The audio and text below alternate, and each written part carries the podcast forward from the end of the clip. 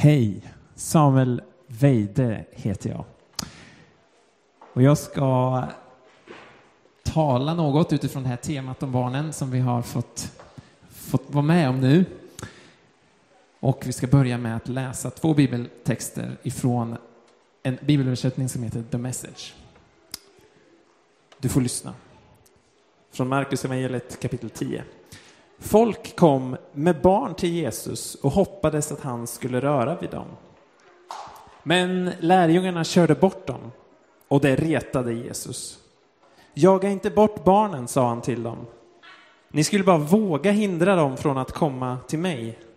Barnen står i centrum för livet i riket. Lyssna noga. Om ni inte tar emot Guds rike lika naturligt som ett barn, då kommer ni aldrig dit in. Sen tog han barnen i famnen, la händerna på dem och välsignade dem. Och så från Matteus evangeliet kapitel 18. Det här säger jag en gång för alla.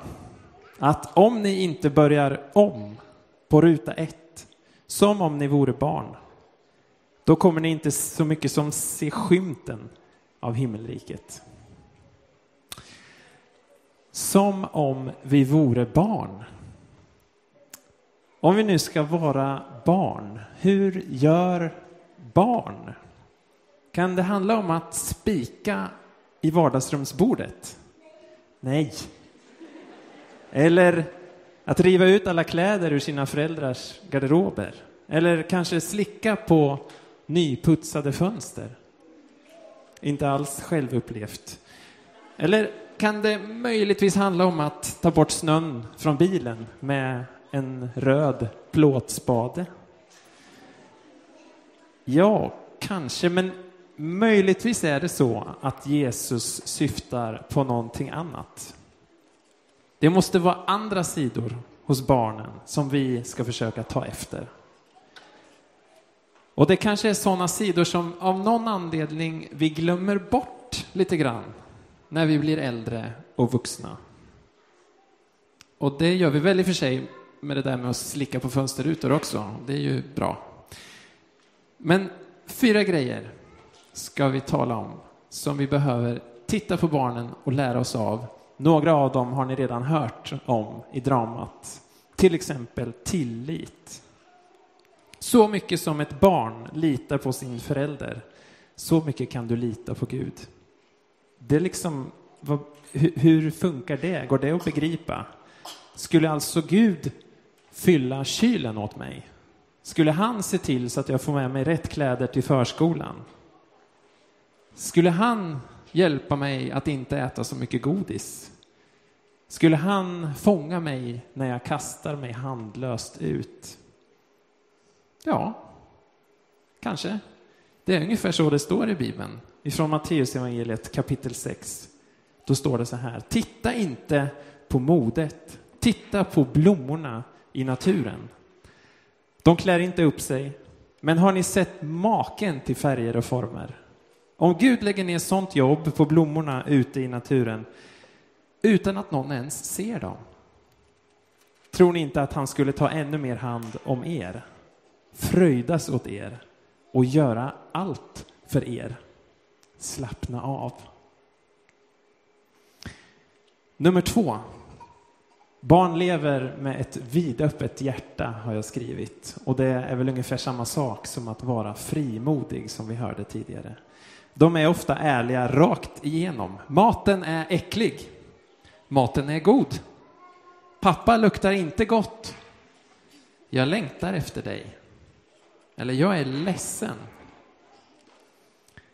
Och det här är ju bara sånt som jag hör andra barn säga till sina föräldrar. En del ärlighet är inte välkommen i våra sammanhang. Men för en relation så är ärlighet alltid avgörande. Precis på samma sätt är det med din relation till Gud. Nummer tre. Barn härmar. Det verkar vara det absolut bästa sättet att lära sig saker på. Och precis så, så lär vi ju oss också att leva som Jesus.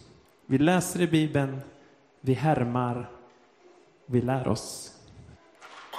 Nummer fyra. Barn ber enkelt. Vi vuxna, vi krånglar ibland till det och tror att det är för de många orden som vi ska bli bönhörda. Det där, det här, de här fyra grejerna, det är sånt som barn gör nästan automatiskt utan att tänka på det och som vi glöm, vuxna ofta glömmer bort. Men om vi alla ser oss som barn till vår far i himlen, då är det här egenskaper som är ovärderliga för att få den relationen att fungera. De här bibelverserna de skulle också kunna betyda att ta emot Guds rike så som du tar emot ett barn. Att ta emot Guds närvaro så som du tar emot ett barn. I evangeliets berättelse så kommer barnen när de kommer. Och verkligen inte i rätt tid för lärjungarnas del. Men Jesus betonar att barnen måste tas emot, för de är där. På samma sätt ska vi ta emot Guds närvaro när den är här. Vare sig det är rätt tid eller ej. Att ta emot Guds rike så som vi tar emot ett barn. Det betyder att hålla sig vaken och be. Så att vi kan ta emot det när det kommer, alltid oväntat och ibland i rätt tid, ibland olämpligt.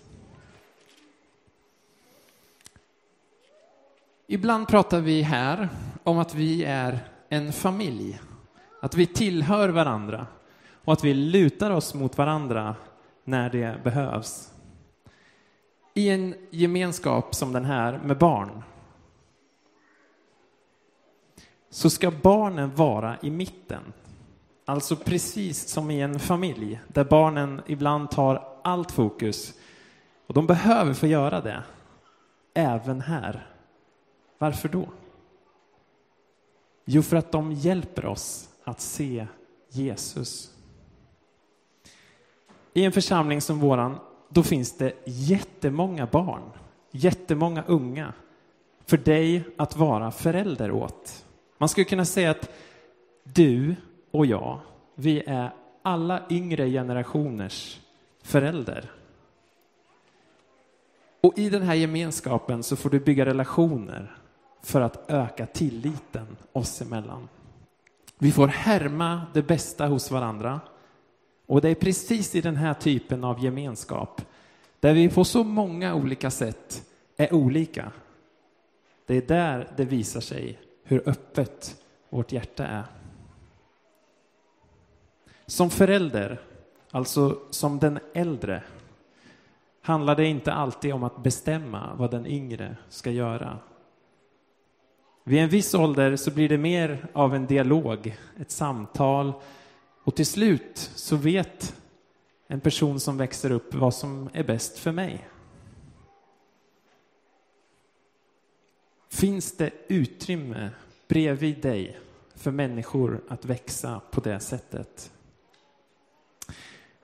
Vid varje medlemsintag i den här församlingen så lovar vi tillsammans att stå vid de nya personerna när de engagerar sig här. Både unga och gamla. Och du som är en del i den här familjen, du tar liksom det ansvaret i ditt knä och det blir ditt. Dels för de här personerna som är nyas skull, men minst lika mycket för din egen skull. För att du ska få hjälp att precis som ett barn härma, lita på och fästa hela ditt hjärta vid Jesus. Amen.